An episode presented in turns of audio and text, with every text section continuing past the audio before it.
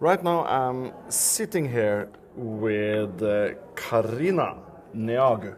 Corina. From Good. Corina, yes, from Romania. And earlier today, she had a session called Manager as a Coach. So, Corina, can you tell us a little bit about your session today, Manager as a Coach? Actually, it's one of my favorite teams, uh, this one, because um, we have realized that managers need coaching abilities in order to develop their teams. But first of all, they need to manage their own struggles. They need to identify their own vulnerabilities, their own gaps, um, their own competencies to be developed and to be grown before uh, coaching and developing others. So um, uh, even in this session today, we have realized that the managers lack some competencies and lack some skills that we really need nowadays in order to um, deal with a very competitive and um, very challenging world, let's say. Yeah, because the, the world is changing. Exactly. So more and more uh, they have employees with a lot of knowledge. So it's a different thing to uh, be a manager for uh, skilled people than exactly. unskilled. And So- uh, manage the diversity in the Yeah. workplace, manage the, the differences between generations. Uh, the way we do management is completely different comparing to 20 years ago.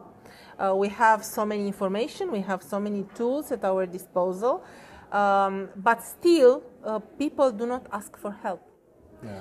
So we still have managers stuck in their positions. They really care about their statute, their function in the company, instead of caring about their development, their growth, and uh, growing their teams. You know.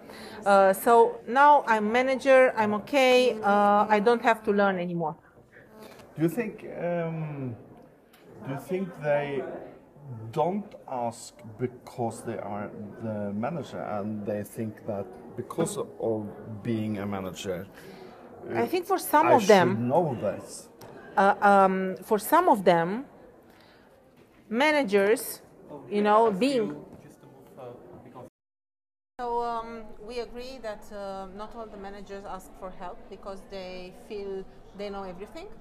And this is completely wrong because once you're a manager, uh, you have major responsibilities towards yourself, first of all, to keep learning and to keep developing yourself and to be aware that we have multiple uh, hats to wear in the same day. But also, you have a big responsibility towards your team, towards the people you manage. So, actually, you cannot afford to be stuck and you cannot afford to just pretend you're a manager. You need to wear this hat with responsibility Yeah, because in, in worst case they can lose the people. Of course. Yeah. And you know, um, one of the main reasons uh, people leave the companies are uh, are their managers. So uh, it's the corporate uh, culture, the managers, uh, the work environment. So that's why people leave. They don't leave because of money. They don't leave because they feel good in their working place, but they leave because their managers are not good. Uh, they do not offer them the, the tools to work with. They do not offer support. They do not listen to them. They do not pay attention to their needs. So actually, this is um, one of the major challenges we are facing right now. That's why uh, I preach, you know, for this role, uh, manager as a coach, um, because I really think that coaching is a very useful tool for managers. They don't have to be certified as, as coach, of course, but if they apply some of the tools with their teams, they will definitely have uh, lots of good results. And we really should uh, film this now with a video camera because you are so passionate about Thank you. this. Yes, I know. Uh, I really believe in it, you know. yeah, I, I can see that. And Corina, can't you tell us a little bit about you? You live in, in Romania. In Romania, yes. I was born in Romania. I'm 47 years old. Uh, I work in HR for more than 20 years. I have my own company. I do recruitment, training, uh, organizational design and development, assessment, uh, career coaching, career design, uh, coaching and mentoring, and um, that's mainly that. Do, do you work only in, in Romania No, or do you work no. also o- outside? I also um, train people in, in Asia. I have started a collaboration in Asia in 2015. Uh, and I go there in Singapore, Kuala Lumpur, uh, Dubai, Bangkok, wherever I need it, Do- and do I, I train people. Sorry, do, do you see a difference of managers in Romania, in Singapore, Malaysia? Wh- What are the differences? I can give you one example if you want. In, in Asia, in lots of uh, lots of my trainings, the CEO comes with the board of directors and together with the, their management teams. So the first one who is really interested in developing and growing is the CEO of the company. And they come together. I have had lots of people uh, from all the countries in, in Asia, even from Africa, uh, and uh, they are quite passionate. They are quite involved in the conversation. They don't use their phone during the sessions. Um, it's a, it's a big difference uh, culturally speaking, let's say, and it's a matter of respect, self-respect, self-awareness, uh, and no limitations. You know, they uh, yes, they, they talk freely. Uh, they enjoy conversations with, with their colleagues, and it's a completely different story. Yes. And, and, and that's very important for the beginning uh, to- Exactly. to, start to be a better manager and coaching your employee. You have to be free and you have to take take it in. Yes, and to be self-aware, you know, about Yeah. who you are, what you want, what are your objectives, what are your plans for the future, what is your vision for the future, Is- and uh, Is it sometimes you have to start there? You can't start uh, in, in helping them to to be uh, better in coaching, to be a better manager, but you have to start with them. What are their passion? What are their exactly. dreams? I think it, it starts with you. It, it starts with everybody, you know, with with all of us, um, because actually it's uh, managing emotions, managing your life, uh, being um, well with who you are, and then you know start giving to the others. Because if you're not well with yourself, if you don't feel comfortable with who you are, uh, with what you have, then you cannot give to the others. You know. Of course, of course, you have to.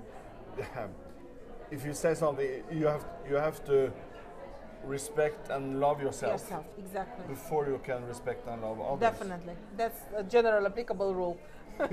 you don't have to be a manager to understand that. No, that's true. Because manager actually is, uh, is just a function. Today you're, you're a manager, uh, tomorrow you will be something else Yeah. or someplace else. So if you understand that, then you care a lot about yourself, about who you are, than for a function, you know. Yeah, I read on your LinkedIn uh, page, you said I am I'm going to bring, or no, sorry, I am the H in HR, Yes. The human. and your goal is to bring human back in HR. exactly. Tell me I about that. I think we live in a very dynamic world, in a very, let's say, sometimes very superficial world. We, we do not care about values anymore, uh, and we do not care about humans. Uh, we do not trust each other anymore, and I think we really need to trust each other in order to collaborate, to uh, to be partners um, in all kind of relationships. It is not about uh, the organization only; it's about our lives first. Um, so we need to prioritize that. We, we need to prioritize the human touch, the human approach, because we are surrounded by robots, we are surrounded by digitalization, automation, uh, ChatGPT, things like that. Um, of course, they are helpful. Technology is really helpful if you understand it and if you use it as a tool for your development, um, but it's not enough. It's necessary, but it's not enough. It's who you are, uh, what matters most. You know, substance without arrogance. I, th- So, I think it's very important what you say. It, it's a tool. yes, it's a tool. It, it, it can't take over. It can't do your job. It's a tool. Uh, and I'm afraid after the pandemic, we have said that okay, the pandemic have learned us that we we can travel less. Mm-hmm. We don't need to be in that meeting. We can take it on Skype Yes. or or Zoom or, or something. So we don't need to be there, and we can save a lot of money. Mm-hmm. This is not going to give the H back in HR. No, definitely not. No. It's we need to change the mindset. We need to understand that we need empathy. We need to be together. We need to be connected. It doesn't mean that we need to be in the office every day, No, no. but it uh, it means that we need to stick together. We need to talk to each other. We need to communicate, to listen to each other. So that's what we need. That's the We need- HR, we- HR, you yeah, know, we- H from HR. yeah, we, need uh, we need to meet. exactly. We need the human touch. That's We, it. we need to sit and and uh, look each other in the eyes, uh, talk to each other, and just meet, not just on on Zoom or, or something. So hopefully we will see it like uh, a tool and start to meet again. Maybe not that often, because uh, where I come from in, in Norway, it's a lot of people taking the plane from uh, Oslo to Stockholm, Ah, okay. uh, being in a meeting for two hours, and then the plane back to Oslo. And this is not good. Either. But you yeah. can put different or more meetings together and then be there for a whole day Definitely, and have yes. meetings all day. So try to think a little bit. I think we um, need to find different approaches, you yeah. know, and test it a little bit. Uh, experiment what's best for us, you know, as human beings. I mean. Yeah. I, but I think social interaction and the quality of our relationships come first. How long have you been a member in EMCC? Uh, almost one year. Well, almost one year. Yes. Wow. yes. What- and I'm proud of it. I, I Why love it. are you proud of it? Because it's a very nice community. Yeah. It's a very nice community. People are really smart, are eager to learn, are eager to share their knowledge. Uh, they are really passionate. They are different from all over the world, and it's uh, it's very nice. It's a sharing and passion community. Yes. That's for sure. This is the H, by the way. yeah. this is the H. Yes. Yeah. have you been to some of the others? yes, uh, I've been I've been to, to one one session, and uh, now I'm going to another one. What do you bring from uh, your session today? The feedback from the, the audience and, and the discussions. What do you bring back home and try to, hmm, this is something I can use? Well, they said it was really positive. Uh, that I have validated what they thought it would be. Uh, yes, they came with some, you know, uh, ideas, with some questions. Um, it was a good session, and uh, we have done some exercises together, which helped them to, you know, uh, network and uh, socialize and know each other better.